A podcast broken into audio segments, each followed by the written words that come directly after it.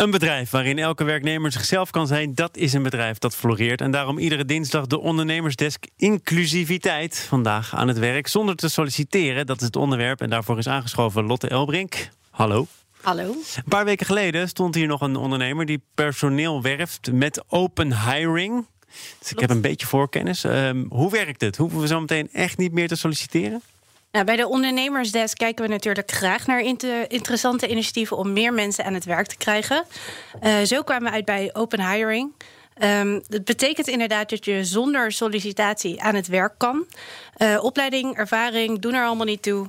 En wat je in het verleden hebt gedaan, dat, dat maakt ook niet uit. Eigenlijk is iedereen gewoon welkom. Uh, het idee van open hiring in Nederland komt van de Start Foundation. Uh, deze Brabantse organisatie doet samen met twee Nederlandse bedrijven een proef met deze manier van werken. Uh, de ondernemer die, die je net noemde, Chain Logistics, is een van die bedrijven. Uh, Ingeborg Solsman, programmamanager Open Hiring bij de Start Foundation, legt uit hoe het werkt. De werkgever die geeft aan welke werker er is. En uh, die bepaalt ook uh, een paar basic uh, voorwaarden waar je aan moet voldoen.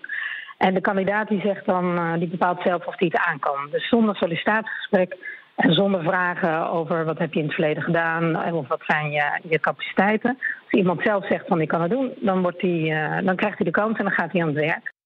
Ja, en volgens Ingeborg zijn er nu op dit moment nog heel veel redenen waarom mensen gepasseerd worden in traditionele sollicitatiegesprekken. We vinden dat mensen bijvoorbeeld te oud zijn. Als je 50 plus bent in Nederland, ben je al gauw te oud. Mensen met een niet-Nederlandse achternaam die worden gemakkelijk eh, aan de zijlijn gezet. Mensen met onvoldoende startkwalificaties, uh, cv wat niet op orde is, omdat je mantelzorg hebt verleend, of omdat je een periode ziek bent geweest, of omdat je gedetineerd bent geweest. Jongeren zonder startkwalificatie. Um, mensen waarvan je denkt dat hun vooropleiding niet voldoet. Allemaal redenen waarvan een ander kan besluiten van oh, deze persoon is niet geschikt. En dat is pijnlijk. Ik herinner me van dat gesprek met die ondernemer ook nog dat uh, mensen met tatoeages of oorbellen, dat vond hij al uh, eigenlijk een reden om te zeggen van uh, graag ergens anders, niet bij mij. Het is natuurlijk ook pijnlijk voor mensen die op zoek zijn naar een baan. Ja, zeker. mensen kampen daardoor ook met een negatiever zelfbeeld. ze denken dat het wel aan hen moet liggen dat ze geen baan kunnen vinden. met open hiring geef je ze eigenlijk een nieuwe kans. En mensen krijgen ook meer zelfvertrouwen. En dat is er niet alleen positief voor de werknemers. Wanneer je iemand zelf het besluit laat nemen eh, dat hij zelf bedenkt van nou, ik denk dat ik het kan, dan is het ook in één keer een, een eigen voor, eigenlijk verantwoordelijkheid van iemand zelf om aan te tonen dat hij het ook waard is en dat hij het ook kan. In plaats van dat iemand anders tegen je zegt, nou, volgens mij moet jij dit doen of dit past bij jou, dan is het altijd een orde van een ander. En in dit geval laat je het besluit bij iemand zelf, waardoor iemand zelf denkt, oh ja, maar ik kan het wel en dan kan ik het ook bewijzen ook. Dus iemand is ook veel gemotiveerder om aan te tonen dat hij inderdaad het werk aan kan. Ja, en het project loopt dus nog niet zo lang, maar over animo hebben ze niets te klagen. Bij de ene werkgever stond binnen binnen twee weken stonden 100 mensen op de wachtlijst.